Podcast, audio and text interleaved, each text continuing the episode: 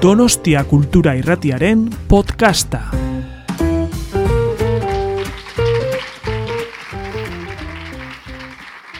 Muchísimas gracias, Iñaki, por la presentación. Cuando has dicho que he venido haciendo un esfuerzo, pensaba que ibas a hablar de lo futbolístico. He hecho un gran esfuerzo viniendo a Donostia. en todo caso, es un, es un verdadero placer estar aquí con vosotras y sobre todo con, con Elizabeth. Gracias por visitarnos. Eh, sobre todo porque, bueno, eh, a Elizabeth sé que no le gusta mucho esta etiqueta de activista de lo trans y de hecho una, una de las ideas provocadoras del libro que me ha gustado muchísimo es que ella ha escrito este libro para no tener que volver a hablar de lo trans nunca, ¿no? Es como voy a escribir este libro y así van a, ya voy a decir todo lo que tenía que decir sobre el tema y con un poco de suerte dentro de uno o dos años, no sé, no sé cómo lo tienes Uno. pensado, dentro de un año, ¿vale? O menos. cuando termine esta, esta gira, ya por fin podrá, podrá deshacerse un poco de esta, de esta lacra que en efecto supone ¿no? que a la biografía oficial de una autora eh, se le superpongan ciertas etiquetas que no, no deberían ser perti- pertinentes, ¿no? porque lo identitario, en caso de que exista, no debería estar por encima de la obra. Pero bueno, pues creo que a Elizabeth le pasa a menudo y en el prólogo de de Después de lo trans dice literalmente que está hasta el coño de lo trans.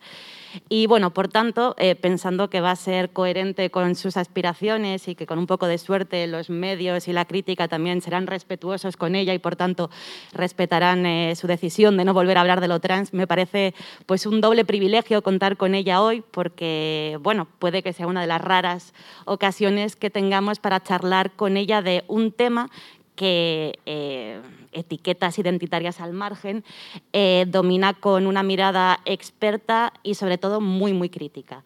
Eh, yo realmente creo que me he sentido bastante identificada con los momentos más caricaturescos de esta izquierda cultural que retratas en el libro. Me he sentido muy identificada y, por tanto, al principio ligeramente agredida, que creo que es siempre la primera, la primera señal de que hay un cambio, de que algo te está como removiendo, ¿no? que tienes que darle vueltas a algo. Me sentí al principio ligeramente agredida y luego tremendamente paródica y, de alguna forma, en, en mi casa ha, ha abierto un debate ¿no? con el que seguimos noche tras noche dándole vueltas a, a ciertos temas. Y yo creo que cuando hablamos de un ensayo, lo más importante es que suceda esto, ¿no? No tanto seguir leyendo aquello con lo que aquello que ya sabemos, aquello con lo que de antemano ya sabemos que vamos a coincidir, sino abrir la puerta a textos que nos van a poner como, como un poco contra las cuerdas, que nos van a obligar a replantearnos en qué lugar estamos en relación a ciertos debates que, como men- mencionaba Iñaki, están a la orden del día y parece que están continuamente obligándonos a posicionarnos. Y bueno, así que me parece que es un libro sobre el que tengo muchísimas ganas de hablar. Es una pena que también por temas de toque de queda tenemos poquito tiempo, así que intentaremos eh, cubrir lo máximo posible. Pero lo dicho, bienvenida Elizabeth y muchísimas, muchísimas gracias por, por acompañarnos. Eh, lo primero que quería preguntarte antes de entrar como en materia es un poquito sobre la forma porque a mí me ha interesado muchísimo, eh, para empezar, los cambios de registro que se dan en el libro. ¿no? Como os comentaba, si abrís el libro, creo que una de las primeras frases es esto ya está el coño de lo trans, ¿no? tenemos como un coloquialismo fuerte con el que empieza el libro, y luego, sin embargo, eh, sobre todo la primera parte del libro es bastante mm, densa teóricamente, quiero decir, maneja terminología postestructuralista y lacaniana, Eh, luego también hay ciertos cambios, eh, asistimos a una correspondencia privada con B. Preciado, Eh, es decir, el libro está todo el rato cambiando de registro de alguna manera, sin alejarse del rigor teórico, y bueno, todo esto lo hace sin despeinarte. ¿no? Entonces, quería preguntarte un poco por esto y, también por, por la sensación de que lo biográfico no está muy presente en, en tu texto. Yo creo que igual un no sé, un riesgo o un camino fácil para haber escrito este libro habría sido tomar el ejemplo de autoensayos tipo Texto Yonki, Los Argonautas de Maggie Nelson. Y sin embargo, tengo la sensación de que tú estás presente como autora, es decir, no es esta voz eh, neutra del académico riguroso ¿no? que no aparece en el texto, ni mucho menos. Elizabeth está presente en el texto, pero tengo la sensación de que sí que has optado con intencionalidad por dejar fuera un poco tu, tu bagaje biográfico en este libro. Bueno, muchas gracias Aisha, eh, muchas gracias a Donostia por invitarme lo primero.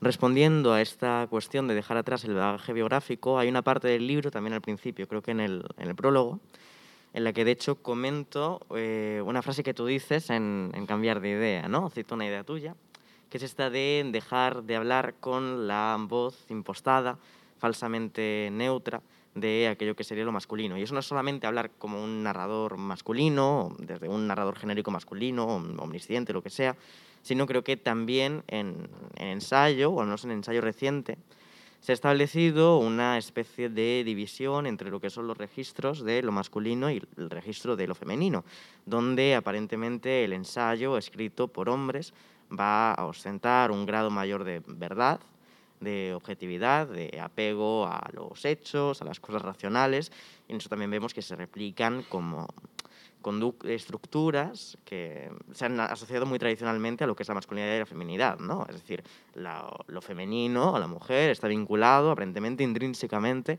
a lo que serían las emociones o el relato personal, el relato intimista, lo confesional. Y yo creo que intentar romper eso no implica solamente aceptar lo que son esas dicotomías hoy en día, como por ejemplo, ¿no? hablando en términos estrictamente literarios o del mundo editorial, intentar romper con el machismo de la industria editorial o con mm, conductas patriarcales dentro del mundo editorial, no implica solamente publicar el lumen o que el único espacio que se conceda sean editoriales que están orientadas hacia un, un, público, un micronicho femenino, y sobre esta cuestión de los nichos, por ejemplo, hablé en un, texto que no entro dentro de, este, pero que sí que comparte algunas cosas, que en un texto que se titulaba para Vice, hará, un año porque fue casi un poco antes del primer confinamiento, contra la cultura queer, en el que hablaba también de cómo mm, subculturas dentro de lo literario o dentro de lo cultural construían, formaban especie de micronichos de mercado, producción y consumo, en las cuales esa misma gente residiendo dentro de ello pasaba a operar con las mismas dinámicas mercadotécnicas o capitalistas, producir para un consumo interno, eh, comprar constantemente para ese consumo interno sin intentar romper con los moldes más grandes o con la, digamos, la estructura mayor, la estructura que está por encima, la estructura general, donde lo masculino sigue siendo considerado como una cosa muy genérica y muy poderosa, ¿no? Y en eso viene a la cabeza por ejemplo, esta cosa que dijo el Cultural, hablando sobre lo que habían sido los mejores libros de, 2020, que citaba como que los mejores libros, las mejores novelas, no me acuerdo, habían sido de mujeres ese año, añadiendo que eso se le debía en parte a que no había publicado nada, ni Javier Marías, ni todos estos, ¿no? Como, bueno, los mejores son de ellas en esta ocasión, pero eso es porque los hombres este año eh, se han relajado un poquito. No es, que, no es que ellas sean buenas de verdad, no es que lo suyo sea como auténticamente meritorio. Y por eso me, me interesaba eh, romper eso también desde el enfoque de, del cambio de registro y en una segunda parte, porque creo que si un libro que quiera aspirar, aspirar a transmitir alguna parte de bagaje teórico o de discusiones, em, teorizaciones en mayor profundidad, que lo que critico en otros momentos que es un simple argumentario o un recetario de, ideas o un manual de instrucciones para utilizar en discusiones con amigos o en tertulia sociopolítica, que pueden ser libros útiles y que pueden ser libros, de hecho, que, sean valiosos, que sean ese tipo de, manuales, pero no era en, en absoluto mi, mi, intención. Lo que tiene que pretender ese tipo de literatura o lo que tiene que pretender otro tipo de literatura femenina también es una especie de reventar eso que hay de lo universal masculino desde otro punto. Y si esa literatura o ese tipo de ensayo quiere llegar a un público que no sea solamente un público de estudiantes de filosofía que se vayan a leer este libro, un público con cierta formación académica, un público con cierta formación teórica, sino llegar a un espectro más amplio, aunque seguramente muchas de las ideas que requieren como un mayor conocimiento de, base o una base teórica puedan no, no, calar, pero si quiere llegar más, más allá, creo que una manera de hacerlo es precisamente estableciendo ese tipo de, de variaciones o ese tipo de, de, cambios. ¿no? no renunciar al hecho de poder transmitir esa teoría o esas ideas, fundamentalmente por una voluntad también de no tomar al lector por tonto, o no creer que el, lector o el lector común o una imagen de lo que sea el lector es incapaz de, de comprenderlas, es decir, que se le pueden guiar dentro a medida de lo posible, se lo puede acompañar un poco de, de, la mano y llevar a escribir esas, esas cosas.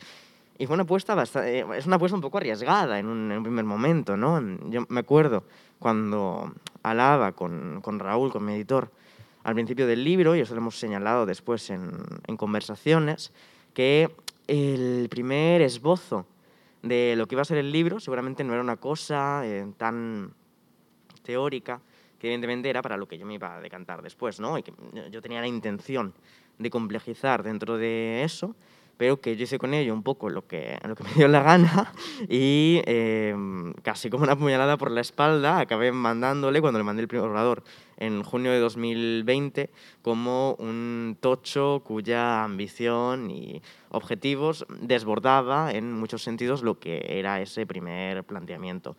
Y lo bueno y también lo, lo extraño, porque eh, hay ensayos que, están, que llegan a alcanzar como cierta recepción o que llegan a ser bastante vendidos, pero normalmente este tipo de ensayos o ensayos así se reducen más bien a un público minoritario, es que haya alcanzado un público tan, tan grande y ojalá que pueda permitir para este tipo de debates que se dan ahora sobre lo, lo, lo trans que la manera en la que los discutimos sea un poquito más compleja, sea un poquito más profundizada.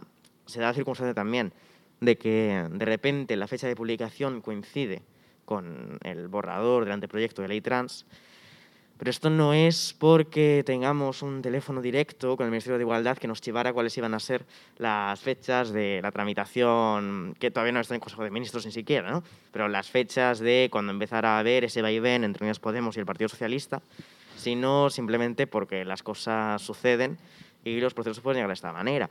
Así que yo estoy de, de, una parte un poco contenta con el resultado de ese experimento y de la otra como muy agradecido en general y extiendo ese agradecimiento a toda la gente que está aquí con la, la recepción que ha, que ha, tenido, porque es, un, es una cosa bastante poco, bastante poco común, yo creo.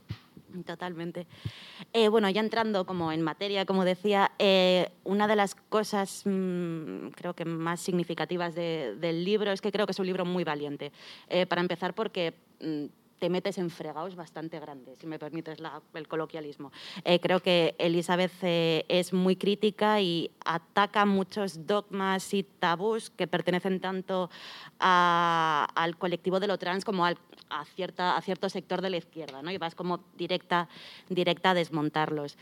Eh, por empezar por alguno, mmm, me interesa bastante la forma en la que desmontas, por ejemplo, esta especie de mm, de cliché sobre lo trans que tiene que ver con esta metáfora de el cuerpo sentido, esta especie de neoplatonismo que propones, ¿no? De pronto empezamos eso a, a, a disgregar el cuerpo y el alma, ¿no? Parece porque hablamos de hombres en cuerpos de mujeres o viceversa. Y bueno, quería preguntarte un poco por esta idea, pero también una segunda pregunta que sería, eh, a pesar de que lo desmontas perfectamente en un territorio teórico, yo creo que esta misma conceptualización, esta metáfora, por ejemplo, sí que ha tenido mucho valor pedagógico, ¿no? Es decir, que igual sí que por mucho que sea eh, invalidable, o sea, que no sea validable eh, a nivel como de, de, activismo de calle, sí que ha tenido cierto, cierto valor. Y también quería preguntarte por eso, ¿no? por, por la distancia que a menudo se da entre la teoría y la calle, y si muchas veces lo que desmontamos en el terreno de lo teórico sigue teniendo vigencia en el terreno del activismo político, aunque no coincidamos con, con ello del todo. También yo creo que en relación con este tema particular, ¿no? con la cuestión de la narrativa del, cuerpo equivocado, hay una cuestión a, tratar que yo esbozo momentáneamente al, principio del libro y también en un capítulo al, al, final, que es este tema de cómo la narrativa sobre lo trans cambia en España o cómo cambia el tratamiento de los medios o cómo cambia la manera en la que se habla de lo trans o qué sujetos trans se exhibe, se coloca, se pone en los medios de, de comunicación de forma más generalizada. Si, bueno, ahora más recientemente, ¿no? En este último año también ha, cambiado, ¿no? De repente el colectivo trans o la gente trans en general se ve sometida a una ola de virulencia y de, ataques que probablemente es una situación que haya retrocedido eh, en comparación con 2017. Pero en 2015, y lo sé de primera mano porque yo participo de eso, la imagen que se empieza a transmitir en España de lo que es el colectivo trans cambia en un sentido muy concreto, que es que empiezan a surgir en España, ya existen de antes, pero empiezan a alcanzar cierta visibilidad y cierta trayectoria organizaciones de padres y madres, familias de menores trans. Eso está bien, porque claro, los menores trans y los adolescentes trans pues merecen sus, merecen sus derechos, ¿no? Esto eh, no se pone en cuestión. Pero tiene una consecuencia que sí que es relativamente perversa, aunque no sea, es un, es un efecto colateral, no es la intención de ninguno de los involucrados, que es el hecho de que se empieza a transmitir una imagen de lo trans o de las personas trans que es más fácilmente amoldable a ciertas características, a ciertos patrones, a ciertos roles. Fundamentalmente porque en comparación también con, las, eh, con mujeres trans, por ejemplo, que empiezan la transición de manera mucho más tardía, o con personas trans que por circunstancias vitales lo han tenido mucho más difícil o han estado en situaciones mucho más duras, cuando una persona trans muy joven hace la transición em, o empieza la transición pues a los 12 años, a los 11 años, es mucho más fácil que acabe teniendo un aspecto que sea, por ejemplo, cisaparente o que acabe entrando dentro de un eje de relativa normalidad, que sea lo más aceptable posible para la sociedad, precisamente porque no pone en cuestión esos, esos roles o, esas maneras de existir dentro del mundo. Y creo que parte de, de, esa, de esas narrativas, hay, un documental ¿no? bastante conocido en ese sentido que se llama El sexo sentido, precisamente, eh, que se sirven mucho de esta cuestión del cuerpo equivocado e incluso en ocasiones rescatan nociones que ya estaban presentes en el mundo LGT de forma general, ¿no? en personas homosexuales, en gays lesbianas, de se nace de esta manera, eso es algo que se lleva consigo desde, desde siempre, imparten una visión más o menos conservadora de, de lo trans, que bien puede tener ciertos intereses políticos o funcionar políticamente a, corto plazo. ¿no? Poco importa la verdad teórica de si lo trans se trata de una cuestión biológica o de una cuestión sociocultural, que si tú transmites socialmente la idea de que las personas trans pues nacen de esta manera, eh, ¿qué se le va a hacer? Eh, otorguémosles porque se derechos porque se trata de una cuestión biológica, mm, son nuestros hijos, solamente queremos lo mejor para nuestros hijos, pues tienes posiblemente a una parte de la sociedad que se te va a poner detrás. Y esto sucede porque muchas veces, y así en numerosas ocasiones, las ideas eh, filosóficas mejor fundamentadas o mejor estructuradas, en el filosófico lo mejor que podamos pensar o teorizar, lo que mejor se sustente, no implica que esas ideas necesariamente vayan a tener las mejores traducciones políticas o que vayan a ser las, que produzcan mayores efectos en la realidad o cuyos efectos mm, cuantitativamente sean los mayores. Y yo creo que es un poco el, el, caso, pero que abre a largo plazo algunos problemas o algunas cuestiones un poco más escabrosas dentro de, dentro de lo trans, porque permite, por ejemplo, mm, discursos que se acercarían a lo trans, desde eh, buscar si hay una especie de, de, de gen trans o de mecanismo biológico como una lluvia de andrógenos prenatal en el feto que haría que la identidad se desarrollara de una forma distinta, que tiene dos consecuencias fundamentales. La primera de, ellas es legitimar la identidad de género como si fuera algo que existe de forma extrasocial, como si existiera fuera de una existencia en, sociedad y de un aprendizaje de esos roles de género, esos códigos, que hablar del género como algo que se aprende sobre todo en la familia o en lo sociocultural no es algo nuevo, sino que yo rescato, como en los años 50, incluso desde la, de la biología, se habla de cómo los padres y madres tienen más que ver en el aprendizaje de, del género que lo puramente genético o lo genotípico, por ejemplo, y al hacer eso construye una especie de división entre aquellas personas que serían más válidamente trans por tener un componente biológico y aquellas personas que no lo serían porque no se ajustaran a una narrativa muy concreta, donde se tiene desde la infancia que estar ya constantemente manifestándolo, como que hay unos criterios muy selectivos de, de ser dentro de, dentro de lo trans. ¿no? Y creo que por eso también en los, años, eh, los últimos años, eh, después de esa primera oleada de 2015, hemos asistido un poco a otra gente trans contestando esa idea nueva o otra vez nacida de el estar en el cuerpo equivocado o el cuerpo como cárcel del alma. ¿no? Véase, por ejemplo, eh, el libro mismamente de A la conquista del cuerpo equivocado de Miquel Misé. Sí, eh, siguiendo un poco con temas que ya has apuntado, pero otra, otra idea mm, quizás chocante en el contexto en el que estamos viviendo es que eres muy crítica y para mí desmontas perfectamente la viabilidad de la libre autodeterminación de género. ¿no? Ahora nos comentarás un poquito por qué, porque ya apuntabas a esta dicotomía entre naturaleza y biología y lo que propones yo creo que va más allá de un constructivismo típico ¿no? y propones pues, bueno, una, serie, una serie de ideas que de alguna forma desmontan, ahora nos explicarás, desmontan la posibilidad de que el género sea algo que, que eliges, sino más bien como que el género te elige a ti. ¿no? Y siguiendo un poco en la línea de la pregunta anterior, te quería preguntar también cómo se concilia esto con tus impresiones sobre la ley trans. Quiero decir, porque yo la sensación que tengo es que podemos desmontar teóricamente la idea de que la autodeterminación de género no existe y sin embargo me parece que a nivel jurídico sí que parece como indispensable para acabar con la patologización, ¿no? Es decir, para que no, te, no tengamos que ir a médicos a que evalúen desde fuera tu, tu pertinencia para pedir o no pedir una identidad determinada, ¿no? Entonces me gustaría eso, pues un poquito también que nos comentaras tus, tus ideas sobre por qué el género no se autodetermina y cómo lo ves en relación al borrador de la ley. Claro, yo creo que lo que ha sucedido en la mayoría de casos en relación con, con este concepto de autodeterminación es que se ha tomado de repente un concepto que se trata de un mecanismo jurídico, como de hecho la autodeterminación de género a nivel jurídico solamente consiste en que la identidad de una persona libremente manifestada sea respetada por las autoridades competentes y creo que interesadamente, eh, o sea, interesadamente por, por parte sobre todo de la reacción transexcluyente, se ha elevado esa discusión jurídica a un terreno filosófico y político. ¿Por qué interesadamente? Pues precisamente porque mm, a nivel más teórico es muy difícil de sostener si la extraes del contexto muy concreto en el que está, que es un contexto jurídico. ¿no? Y es muy difícil de, sostener por una cosa que ya apuntaba antes, que es este carácter social de, del género, este aprendizaje de esos códigos que va ligado a, al género, por el hecho mismamente ¿no? de que si tratásemos de algo que se escoja, y es una de las cosas que digo al final de, ese capítulo, difícilmente podría plantearse ¿no? que alguien con la violencia que eso conlleva escogiera ser mujer o eligiera ser mujer, eh, estar, ocupar una posición en la sociedad en la que se pueda tener ciertos miedos o en la que se pueda tener ciertos menosprecios o en la que se pueda ser menoscabada de forma, de forma constante eh, escoger ocupar una posición voluntariamente desometida, pues haría de toda persona trans que pudiera decirlo libremente una persona un poco sadomasoquista.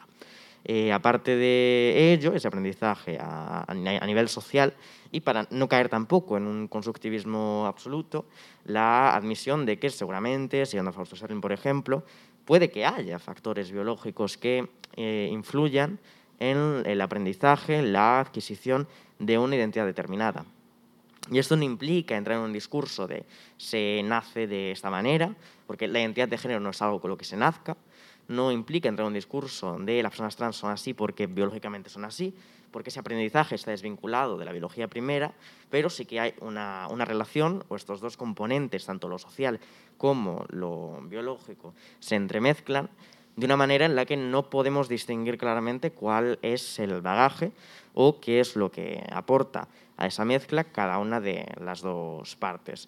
Lo que yo digo en un momento dado sobre esa autodeterminación a nivel filosófico, otra vez, que no es lo mismo que a nivel jurídico, y seguramente a nivel jurídico sea el mejor instrumento que tengamos para asegurar que las personas trans no estén bajo esa tutela, es que no se tiene ningún tipo de libertad para escoger, de decidir elegir libremente cada mañana el género con el que se levanta una, como si escogiera entre ponerse una camisa azul o blanca, sino que en todo caso la libertad que tiene el, el sujeto, esto partiendo desde todo tipo de análisis, es la de eh, identificar, conocer cuáles son las determinaciones que le han llevado a tener una identidad determinada, a estar sujeto hacia algo, y esto ni siquiera en todas las ocasiones. ¿no?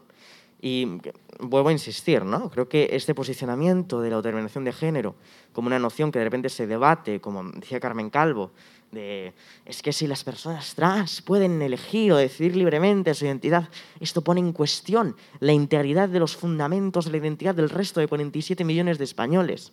Bueno, pues creo que es una, como una manipulación, una tergiversación de ese concepto bastante interesada.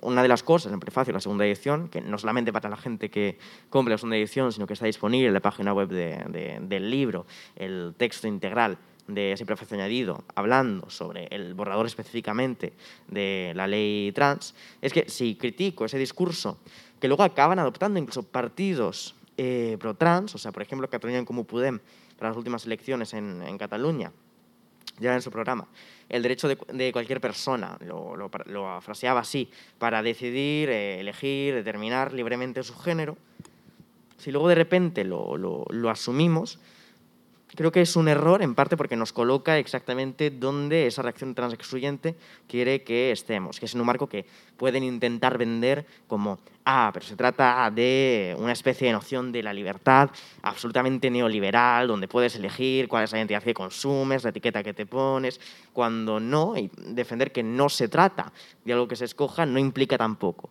caer en el otro extremo del debate, que sería como este determinismo biologicista. ¿no? Creo que hay que defender jurídicamente esa noción de la autodeterminación como mecanismo jurídico, mientras exponemos que en ningún caso se trata de, cosas que se, que se eligen o que se escojan, y mientras sostenemos que, claro, tenemos una visión de lo que es la sociedad, de cómo funcionan los, los, mecanismos sociales del género, porque no solamente identidades, sino también estructura, comportamientos, una serie de maneras de existir en el mundo que nos afectan y que afectan las relaciones los unos con, con los otros. Y esa cuestión también de Butler, por ejemplo, ¿no? de que en gran parte, cuando, dice ella, y está en, en unos epígrafes que en el libro, cuando hablamos de nuestro género, nuestra identidad, nuestra orientación sexual, nunca hablamos de algo que nos pertenezca estrictamente a nosotros, sino que se elabora sobre todo con el otro y una relación constante con el otro, somos desechos y también nos hace ese, ese otro. Yo creo que podemos complejizarlo y que, de hecho, seguramente, ¿no? si hablásemos más o insistiésemos más en ese marco de el respeto de la identidad libremente manifestada, que no, que no es lo mismo que una identidad libremente escogida, seguramente políticamente eso podría tener resultados, más, mm, resultados mejores porque eh, tendrían menos herramientas para intentar desmontarlo. Sí, es, es, curioso porque yo, eh, leyendo tu libro, me daba cuenta de que muchas veces toda esta, toda esta brecha interna en el feminismo parece que tiene que ver, igual es malintencionado y no es tan sencillo, pero simplemente con esta malinterpretación de, decir, de la agencia a la hora de elegir libremente, ¿no? Es decir, podría parecer que al final todo se, se, remite a eso y no es tan difícil de entender, ¿no? Así que supongo que, que, no son tan ingenuas las que, las que utilizan interesadamente estos términos al revés, pero bueno. Eh, ya comentabas un poquito ahora al hablar de, de esta idea de la identidades eh, consumibles por el mercado y tal. Bueno, otro, otro de, los, de los temas para mí sorprendentes del libro es que, bueno, em, una de las, de las figuras eh, que criticas o cuyo, cuyo argumentario rebates o intentas desmontar en el libro es Daniel Bernabé, pero tengo la sensación de que para conceder que más allá de su, ¿cómo decirlo?, em, incapacidad crítica quizás a la hora de sobrellevar los, los, temas que se propone abordar, sí que tenéis más, más acuerdos de los que quizás yo a priori eh, habría, habría esperado. Eh, ¿Podrías igual comentarnos un poquito como cuáles son los puntos de, de conexión y de divergencia con, con Daniel Bernabé?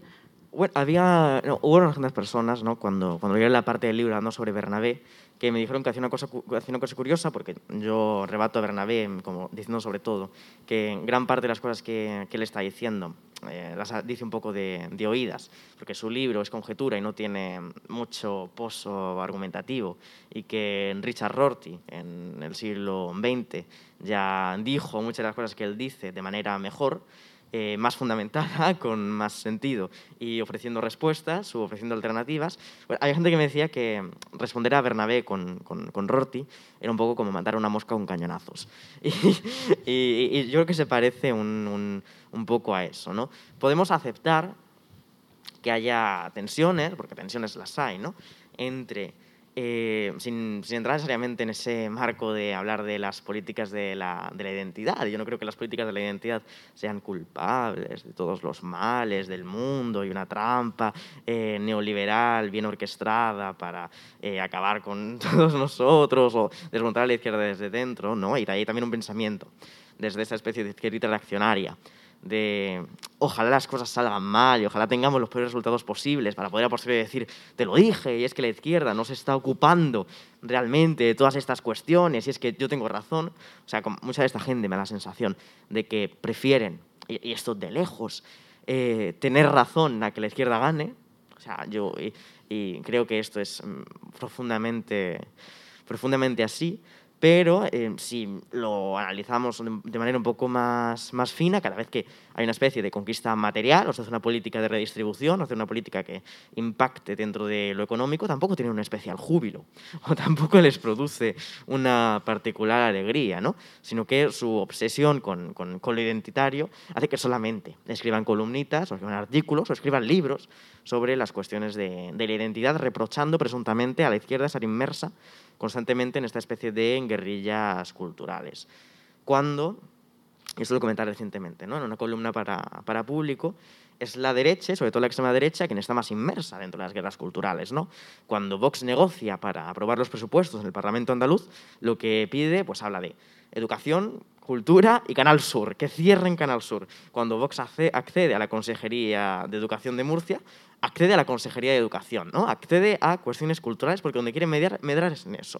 Y resulta que esta presunta izquierda eh, obrera de mono azul industrializada, que existe ya muy poco en, en, España, porque probablemente lo que sea que sea la, la, clase trabajadora se parezca más como a una población en el sector servicios, muy nutrida también por la inmigración, que está en las situaciones como más, más precarias, Sería una especie de fantasma que no votaría a la izquierda porque estaría olvidada por, por ella. Cuando realmente lo que sucede es que todo el mundo tiene identidades, todo el mundo juega con, juega con ellas y a lo mejor puede ser que eh, obreros en barrios de la periferia de Barcelona, en Cataluña, voten a la derecha, sí, o incluso voten a Vox, pero no porque Vox ofrezca respuestas económicas que no las ofrece. O sea, el programa de Vox es una cosa neoliberal de infarto para sus problemas, sino porque pues esos obreros también tienen identidades, también tienen sentimientos y también tienen emociones y también se sienten a lo mejor muy españoles y mucho españoles y acaban votando así, básicamente, en, en consecuencia. ¿no?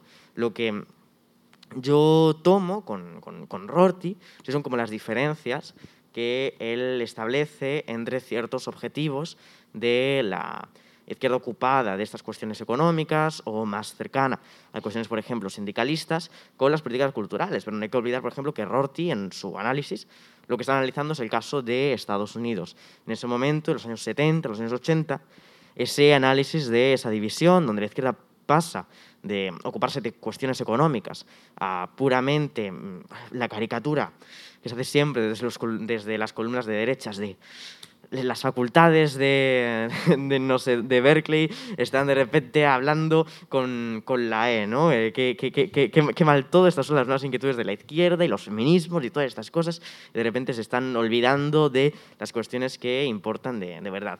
No creo que esto se pueda extrapolar de manera directa, pero sí creo que hay una problemática que hay que, que, hay que atajar y que es importante, que es la noción que retomo de Rorty de esta cuestión de la lealtad mayor o de la justicia precisamente como una especie de lealtad compartida, ¿no? Y que cualquier proyecto de, de, de izquierdas, uniendo esas cuestiones de lo material con políticas culturales, si queremos seguir con con esa separación, que no es, al mismo tiempo no es la separación burda entre lo material, que es un concepto que desde esta izquierda accionaria se bastardiza, o sea, material es lo que palpo, lo que, lo que toco, como si en algún momento material hubiera significado eso, y como si las vidas marcadas por identidades sociales y consideradas socialmente de la gente no fueran materiales, o como si los bienes de cambio que utilizamos no tuvieran significados, no tuvieran valores que nos damos los unos a los otros socialmente, pero que se necesita como que esa clase trabajadora o que la gente LGTB o que la lucha por, el feminismo encuentre como una especie de lealtad compartida en pos de un proyecto común, encuentre ciertas cosas que la unen, ¿no?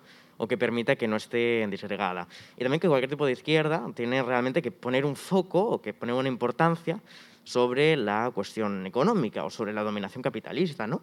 Mm, yo puedo conceder a, a, a Bernabé sin eh, conceder, por lo tanto, que de repente el feminismo sea una trampa o que el feminismo esté desintegrando a los trabajadores o que sea el mal, de, mal del universo, como puedo otorgarle la primacía de la dominación capitalista, ¿no? Puedo decir, hombre, pues sí que es importante, ¿eh?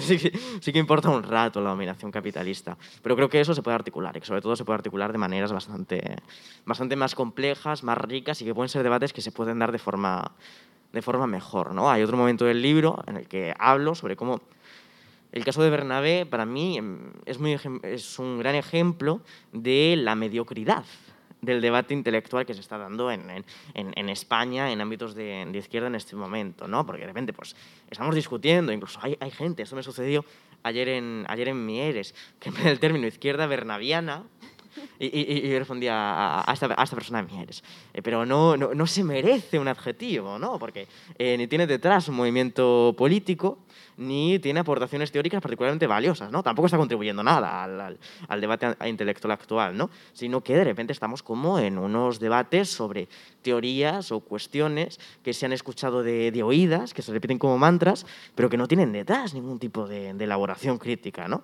Con lo cual lo interesante recuperar a Rorty para hablar de esto es, bueno, pues recuperemos algún tipo de elaboración crítica que se ha hecho sobre esto y a partir de ahí intentemos discutir con un poco más de, más de seriedad, ¿no? Sobre cosas que realmente pueden ser discusiones y no simplemente un, eh, pues qué bien, a lo mejor tengo razón como probablemente te habrás imaginado, este es como de los temas que yo como lectora eh, me sentí un poco descolocada al principio y me han obligado como a emprender un, un, debate más, más sólido. Y tienes razón que en el fondo es peligroso también cuando ciertas ideas que bien argumentadas tienen su, su pertinencia en el, en el, debate público, vienen asociadas a personajes que generan como cierta, cierta duda o rechazo de antemano ¿no? y parece que entonces ya las, las descartamos. Pero lo que quería decirte es que, por ejemplo, me di cuenta de que Elizabeth, que tiene un capítulo en el que habla de la tolerancia, desmontando un poco lo que solemos entender por tolerancia. En este caso, que sí que creo que sería preciso, más enseñar a ser mucho más tolerante eh, con personajes como Bernabé, con personajes como Lidia Falcón, como eh, Fraga, eh, ¿cómo se llama? Paula, Paula Fraga. Paula Fraga. Fraga. Sí, no Manuel Fraga Ibarra. No, no, sí, perdón.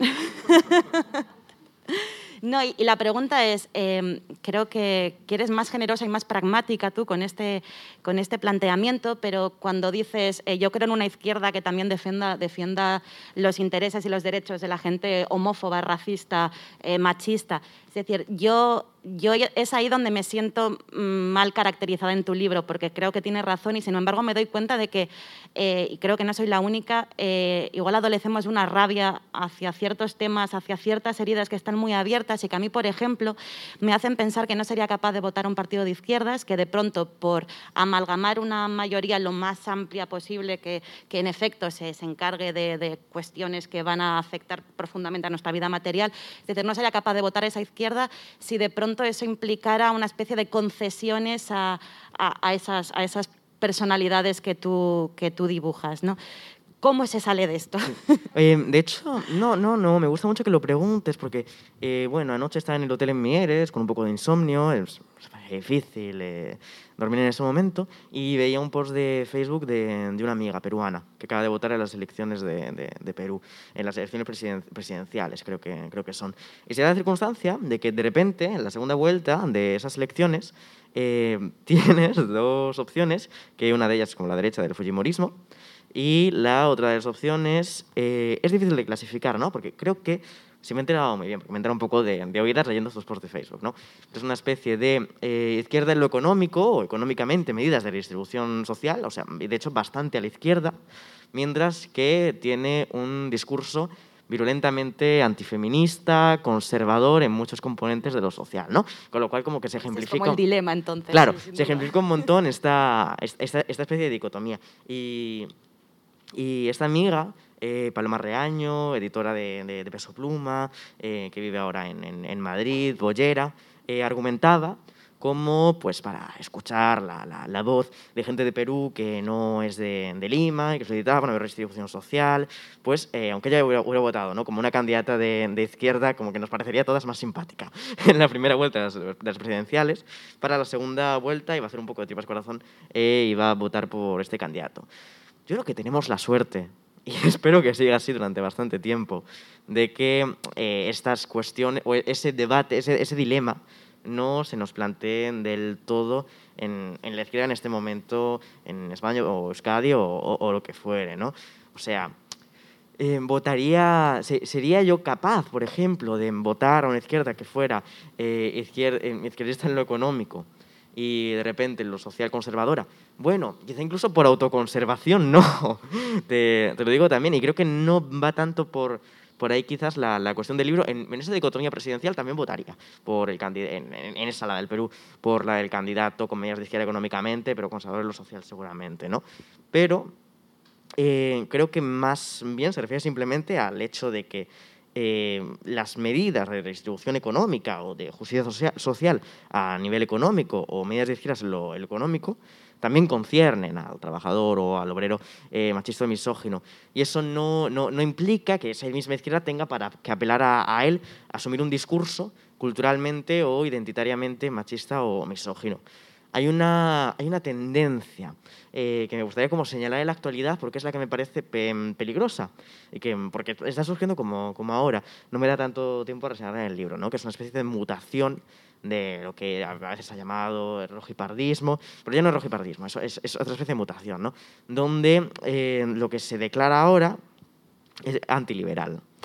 Eh, antiliberal en el sentido de contra el liberalismo económico y contra el liberalismo cultural. ¿no? Estaba hablando también en, en, Mieres con, con, otra gente sobre... Em, no, no, no, me acuerdo quién lo, quién lo decía, pero como una persona con un origen fundamentalmente marxista, que hablaba de cómo eh, lo, lo, peor del liberalismo para esa persona sería eh, el parlamentarismo o, cierta conciencia de, la democracia liberal, ¿no? Y hablaba con otra gente y decíamos, bueno, en realidad no, lo, mejor del liberalismo es ese parlamentarismo y lo mejor del liberalismo pueden ser como los derechos civiles.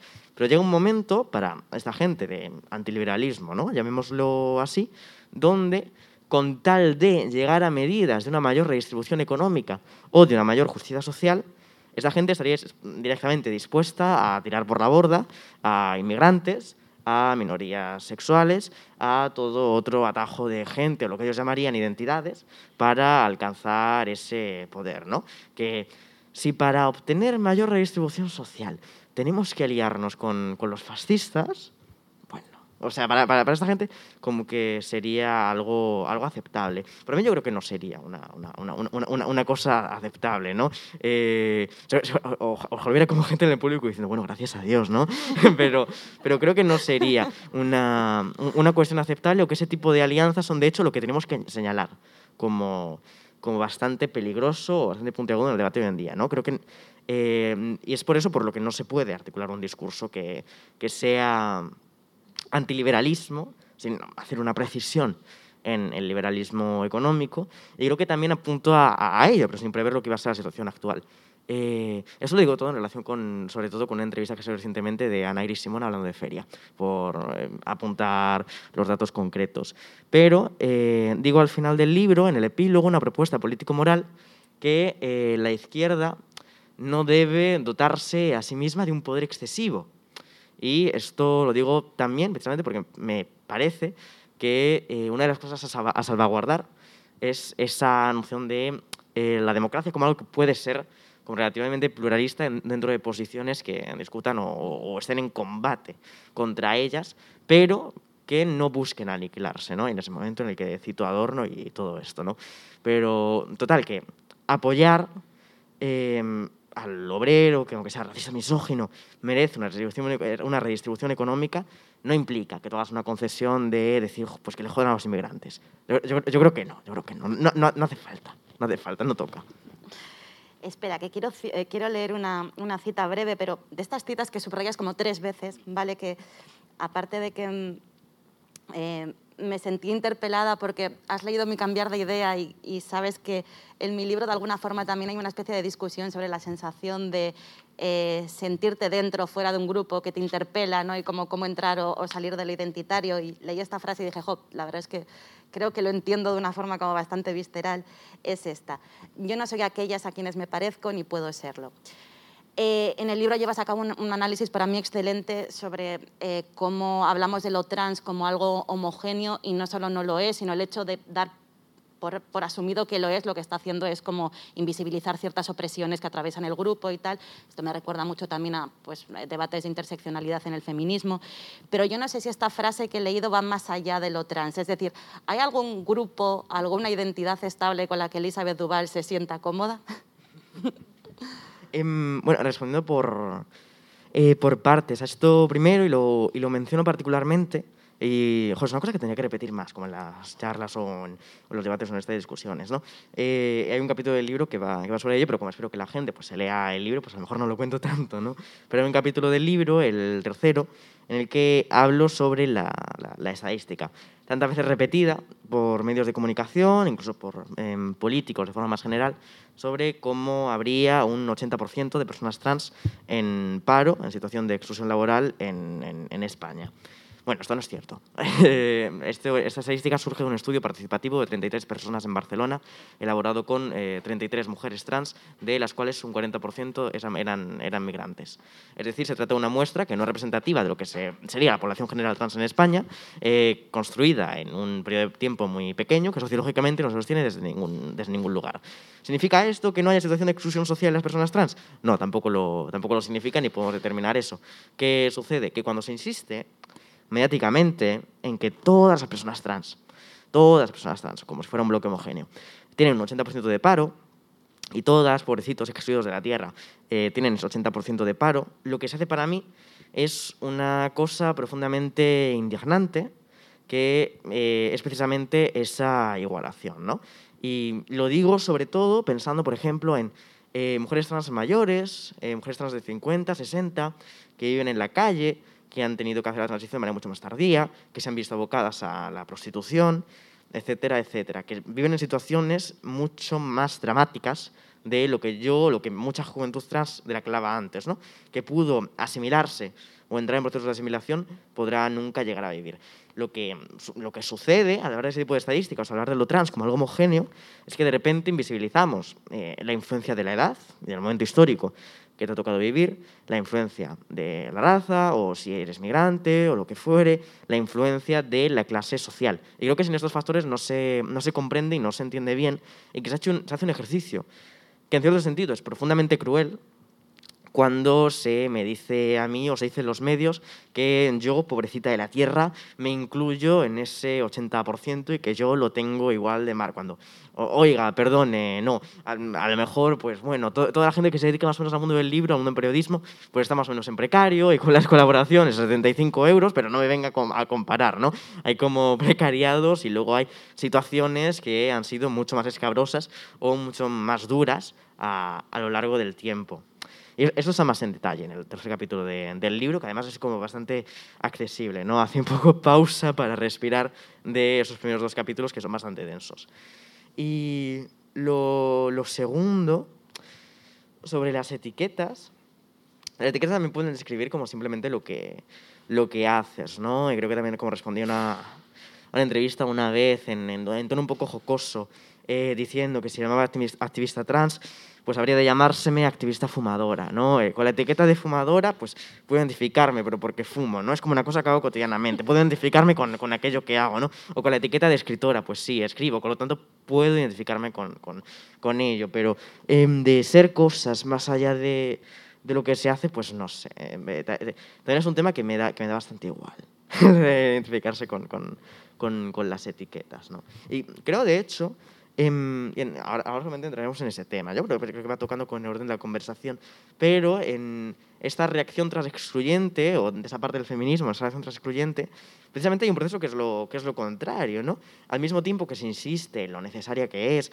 la abolición del género y cómo aparentemente las personas trans pues, serían una piedra en medio de ese camino para la abolición del género, desde ese feminismo trans excluyente, pues eh, se reafirma o se hace incluso un repliegue identitario sobre la categoría de mujeres y sobre un, nosotras muy concreto, eh, muy biologicista, muy ligado de repente, de forma completamente aleatoria, a términos del feminismo de la diferencia, que sacralizaba la maternidad, o hablaba del vínculo o el enlace de la maternidad o de lo femenino, inherentemente con la naturaleza, ¿no? como concepciones muy esencialistas. Y eso me parece interesante, ¿no? como una de las maneras de justificarse o de construir ese repliegue sobre sí mismas, de ese feminismo tan excluyente, de conseguir una categoría de mujeres que abarca cada vez menos, o sea, cada vez un poco más pequeñita, ha sido a través de todo lo contrario de procesos de desidentificación y lo paradójico que es que se reclame eso al mismo, tiempo que se reclama que eh, desaparezca la categoría mujer, ¿no? Es un poco, un poco absurdo. Totalmente. En efecto, yo creo que la, pregunta a la que, a, la, que nos llevaba esto es, bueno, también a eso, a cómo se, es decir, hemos estado hablando de cómo se construye la identidad de lo trans, eh, qué, subjetividades pueden quedar al margen, cómo se construye un grupo homogéneo, en el caso de la izquierda. Obviamente, qué está pasando en el seno del feminismo y, bueno, ya lo has adelantado, ¿no? pero para mí es casi una, una tragedia en el sentido literario de eh, ver que de pronto el feminismo para muchas ¿no? Eh, se está convirtiendo como casi en un privilegio, en, una identidad que hay que salvaguardar contra los que, las que vienen de fuera a quitarnos este extraño privilegio de ser mujer, ¿no? cuando en efecto el feminismo siempre se ha encargado de, de, construir, o sea, de, proponer lo contrario. ¿no? Eh, ¿Cuál es el Hablas de después de lo trans, y esto ya anticipa de alguna manera, no vamos a destripar el libro, pero anticipa un poco lo, que, lo que quizás aventuras sobre el movimiento trans, eh, ¿qué pasa con el feminismo? Es decir, ¿es el momento de desidentificarnos todas y empezar a hacer activismo de otra manera? ¿O todavía tiene sentido con, con todas estas fricciones y lo que están dando a, a conocer sobre, sobre bueno, un, gran sector del feminismo? Si todavía tiene eso sentido como, como identificarse en tanto que mujeres por un tema de representación política. Bueno, a veces por cosas como completamente banales, pues acaban conduciendo en direcciones políticas o de otras cuestiones que son como distintas a las que habría sido conducida en un, en un primer momento. ¿no? Y yo creo que eh, puede tener valor simplemente la identificación como feminista o con la categoría de mujeres en la actualidad, simplemente en un sentido instrumental de, bueno, que no se lo queden ellas. Eh, me parecían hace unos, pocos días. Colaboraba en un acto que organizaron las Juventudes Socialistas de Barcelona en contra de las directrices del PSC o, de, o, del PSOE, que ahora están por otros derroteros. Y en ese acto participábamos Carla Antonelli, eh, Marina Sáenz y yo. Había, y había unos, comentarios de, de, Carla Antonelli que me parecían bastante importantes y que también eh, daban un poco testimonio de lo lamentable o doloroso de la situación actual y hablaba de cómo eh, se ha enconado tanto esta especie de debate, o de presunto debate, ¿no? porque no sé si viendo el nivel de cómo se da en la actualidad en redes sociales se puede calificar a eso de, de, debate realmente, pero viendo la cantidad de violencia que se ve implicada dentro, dentro de ello, decía unas cuantas reflexiones que me parecen valiosas. Decía, lo, lo, lo primero, que ella no perdonaría el sufrimiento que se estaba causando en, la actualidad y el hecho de que probablemente se estaba construyendo, es una cosa bastante absurda, sobre todo si comparamos con 2015 o antes, como un periodo para muchos adolescentes trans que estarán ahora empezando la transición, donde van a recibir mucha más violencia, donde esa violencia incluso va a ser en parte legitimada por gente mm, que hace cinco años les habría defendido, o que habría estado desde la izquierda empujando para defenderlos, o desde el feminismo empujando para defenderlos, que no perdonaría esa legitimación de la violencia, y también que esto pasaría, eh, la ley trans acabaría aprobándose, y dentro de seis o siete años miraríamos un poco con vergüenza lo sucedido ahora en 2021, y em, sobre todo que aquellas personas que en el momento actual están como reproduciendo el debate y llevando concepciones ¿no? sobre la gente trans que llegan a hablar de ellas como enajenadas mentales o sufriendo algún tipo de psicopatología o llegan a justificar las terapias de la conversión o dicen que habría que erradicar directamente moralmente la existencia de las personas trans porque se trata de algo antinatura que hay que corregir en el seno social porque es una perversión incluso una, pequeña, una perversión pequeño burguesa, que dentro de seis o siete años eh, nadie habría defendido eso que esa postura como habría, habría desaparecido, ¿no? Y que sea como, no, pero si éramos todos pro-trans, entonces eh, no, no hubo gente que legitimara este tipo de, este tipo de discursos. Cuando realmente me parece que una de las consecuencias más peligrosas y que en esto eh, una parte de la izquierda tiene toda la responsabilidad, o sea, en que en 2021 el ambiente em, en general, la, esfera pública, incluso la esfera privada, sea más hostil para la gente trans que en 2015, porque desde 2015 a 2021 no ha habido un movimiento por parte de la derecha hacia eh, estar ahora contra lo trans, sino que en todo caso ha habido un movimiento por una parte de la izquierda, me parece que esa responsabilidad recae sobre la, izquierda y que es culpa de la izquierda y que además se está dando voz y se está legitimando discursos que son bastante peligrosos y que sobre todo beben de fuentes, ¿no? como por ejemplo eh, Janice Raymond con este libro abiertamente transfobo del siglo XX que es El imperio transexual. En el que decía, entre otras cosas, algunas cosas que no parecerían barbaridades, como que la violación no solamente se comete por violencia, sino también por engaño, y que las mujeres trans, bueno, ella utilizaba otros términos, ¿no? pero por que esto sea un poco más suave y casi family friendly, en comparación como ella lo, lo dice, que las mujeres trans eh, violaban sistemáticamente eh, los cuerpos de las mujeres eh, simplemente existiendo, o diciendo que la única solución al problema del transexualismo sería mandatarlo moralmente fuera de la existencia.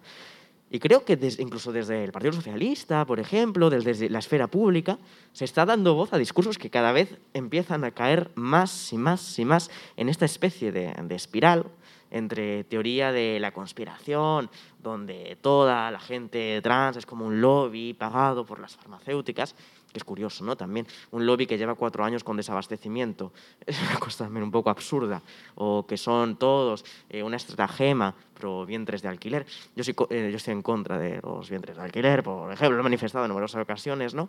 Pero estas teorías como conspiranoicas y esos discursos particularmente peligrosos Creo es, es, una cosa bastante, bastante espinosa y cada día me parece como un poco más, un poco más lamentable. Un poco más lamentable. Y yo y, no conozco a ninguna persona trans eh, medio pública o con cierta presencia dentro de lo público, ya sea en esferas de debate o en esferas de presencia pública en, en, en general, creo que estoy como cada día un poquito más cansada y un poquito más harta de lo que son estas circunstancias. Sí, realmente eh, yo dejé Twitter directamente por, por saturación de este tema. O sea, se, se, estaba volviendo como triste, doloroso, violento también como presenciar eso, ¿no? Como la cisma en un movimiento que hace muy poquito había conseguido como su pico álgido, es como tan, tan pronto hemos bajado, ¿no? Como de esta celebración de haber alcanzado cierta hegemonía para empezar a... Hay un análisis que explica por qué sucede eh, eh, esto, ¿no? No, no, no, no, pero eso lo quiero dejar para, para el libro como gancho publicitario, ¿no? Por, ¿quién, quién, quién alimenta que después de 2018, cuando hay convocaciones feministas masivas, eh, se construya toda esta especie de ola contra la gente trans y se incite a un cisma dentro del feminismo? ¿Cuáles son sus nombres y apellidos? ¿Cuáles son los motivos políticos ocultos? Para descubrir esto y más, compre después de lo trans aquí Chan, al lado y luego se lo firmo. Segunda edición ya.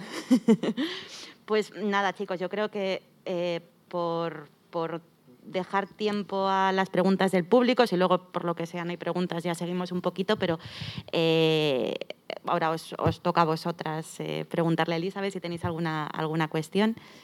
Eh, os comento que repetiré vuestras preguntas, aunque suene un poco raro porque estamos grabando y no os puedo pasar el, micrófono, así que hablad en alto, os escucho y luego os reformulo.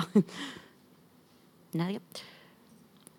Bueno, yo, yo tenía, tenía, una pregunta final muy de cierre, mientras alguien se, por si alguien se va, se va animando, eh, que es que me interesa muchísimo ahora que yo he descubierto esta tarde que tienes pensado escribir una novela, como sumergerte en la ficción, eh, ¿de qué manera se acerca la ficción alguien que es crítica y filósofa y cuya producción eh, reciente está tan, tan cerca de, de, la teoría, por ejemplo, si, si te planteas como el proceso creativo de una forma completamente distinta o si, por ejemplo, para ti la escritura de ficción es una especie como de extensión de, de lo que sería la escritura de un ensayo, pero con, bueno, a través de lo concreto, ¿no? No, pues, creo que es una distinta, sobre todo porque eh, cuando escribes un ensayo quieres vehicular una, idea o quieres transmitir unas ideas concretas o pensamientos que son los, míos propios. ¿no? Ahora que voy a escribir esta novela, que además es ficcional, y hablado ya para algunos periódicos en algunas ocasiones, entra dentro del ciclo de lengua de trapo de los nuevos episodios nacionales, que son como eh, historias ambientadas en distintos puntos de los últimos 40 años en España, y la mía en concreto trata la dicotomía entre dos ocupaciones de 2016, en el Madrid gobernado desde hace un año en ese momento por Manuela Carmena, que es una que se da en el centro de Madrid de un grupúsculo marxista-leninista al lado del Metro de la Latina, y otra que se da en, lo, en, el antiguo edificio del Nodo, que es de Hogar Social Madrid, un grupo fascista o, o neonazi. ¿no?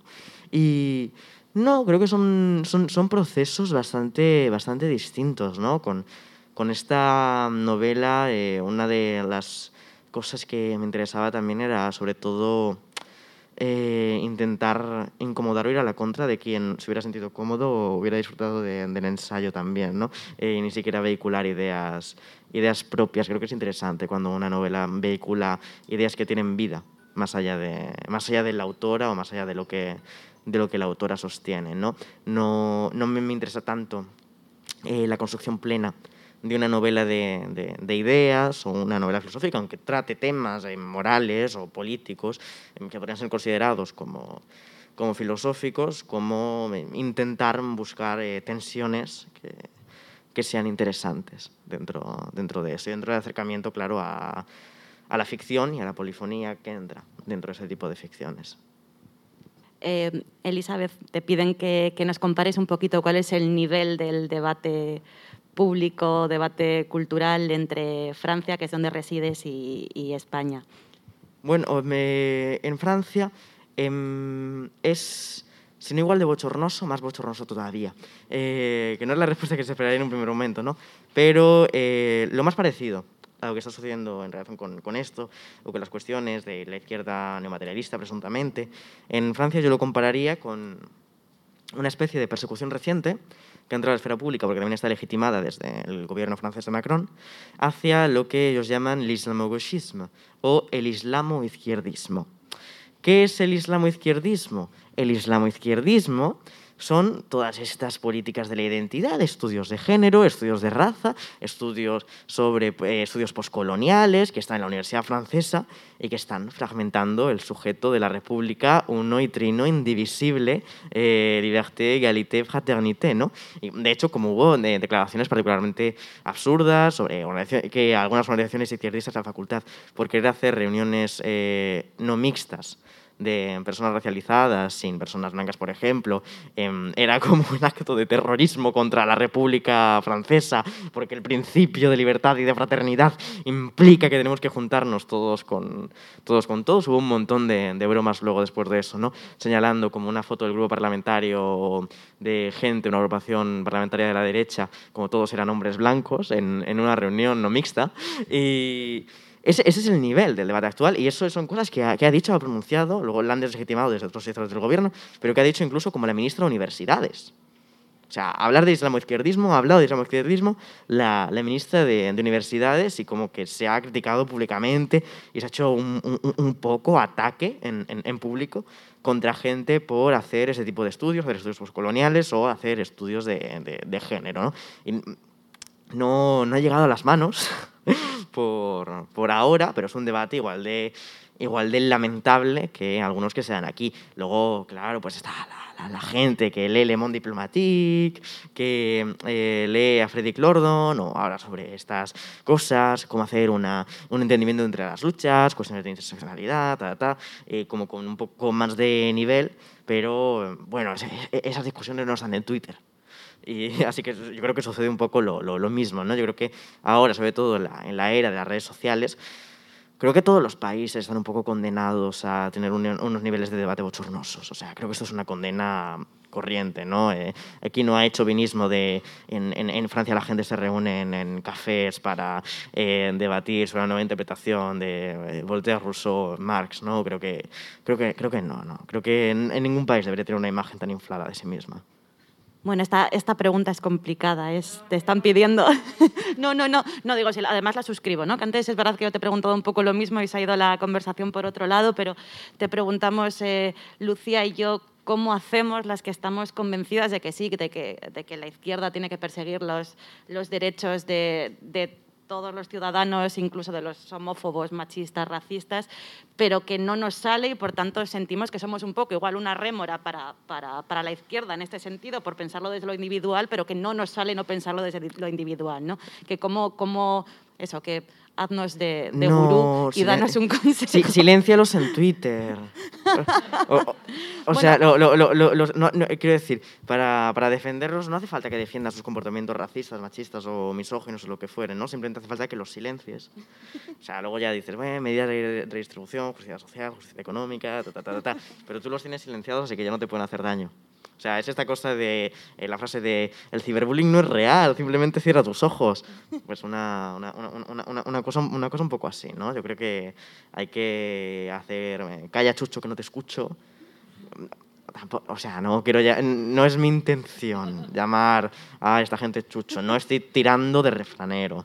Em, pero, eh, claro, ¿no? Tú, tú no estás en la obligación individual de em, tolerar comportamientos machistas o homófobos, lo que sea, cada, cada día, ¿no? No tienes que someterte a un círculo del infierno de Dante. Em, Puedes eh, vivir un Pero poco... Qué buena definición de Twitter. Eh, Sí, sí, no, y, y yo, y yo ahora no sé si lo sabréis, pero Twitter me tiene suspendida la cuenta, ¿no? Em, Estoy expulsada de, de, de- twitter.com, ¿no? Están, están silenciando mi, mi, mi, mi- voz y es por eso por lo que, por lo que hago el tour, ¿no? Para traer la palabra. Ah, pero no, y en relación, por ejemplo, con lo que hablábamos antes de, de, Bernabé o, o- esta, o esta gente también, eh, yo, yo, yo, yo creo en el libro, además, soy, soy muy misericordiosa, con lo cual yo tengo la, la esperanza de que toda esta gente encuentre algún día el, el camino, y se encuentran el camino, yo les perdonaré y les absolveré de sus pecados. Eh, pues, jo, pues de- depende. Pues, no, no, no, No no, sabré- no- se, se propone a Bernabé como una figura tipo Tony Cantó, que en cinco años estará en... No lo, no, no lo, no lo, no lo, no lo creo, eh, no lo creo. Eh, estará. Creo que su techo es escribir columnas.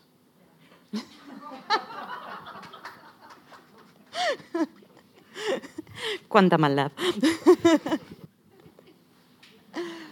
No, además me beneficio de que esto se graba, pero no está siendo transmitido en directo. ayer, ayer, ayer en Mieres, ayer en Mieres sí, ¿no? Y, y- y no sé por qué, porque he empezado eh, como el, el día de hoy, antes de, antes de la charla, estaba como más cansada de lo, que, de, lo que, de lo que estaba ayer, antes de darla en Mieres y además en, en Mieres eh, se ve un montón y nos escanciaron una cantidad de sidra absolutamente brutal ayer. Eh, pero, pero no sé, hoy, hoy, hoy me he crecido viendo tanto público. Hoy, hoy, hoy, hoy, hoy, hoy- hoy estoy contenta y puedo, y puedo lanzar ataques. Un privilegio, querida.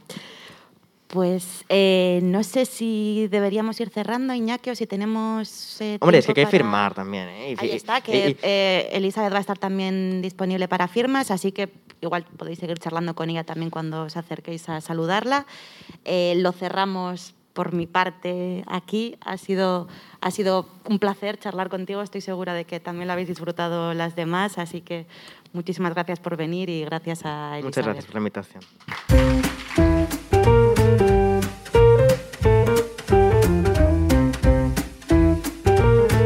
Donostia Kultura Irratiaren podcasta.